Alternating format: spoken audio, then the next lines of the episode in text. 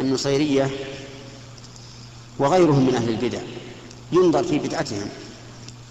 إذا كانت بدعتهم تكفر فإنه لا يجوز أكل ذبائحهم. لأنه لا يجوز أكل ذبائح الكفار إلا أهل الكتاب اليهود والنصارى. وأما إذا كانت البدعة لا تكفر فلا بأس أن تؤكل ذبائحهم. لكن غيرهم أولى منهم.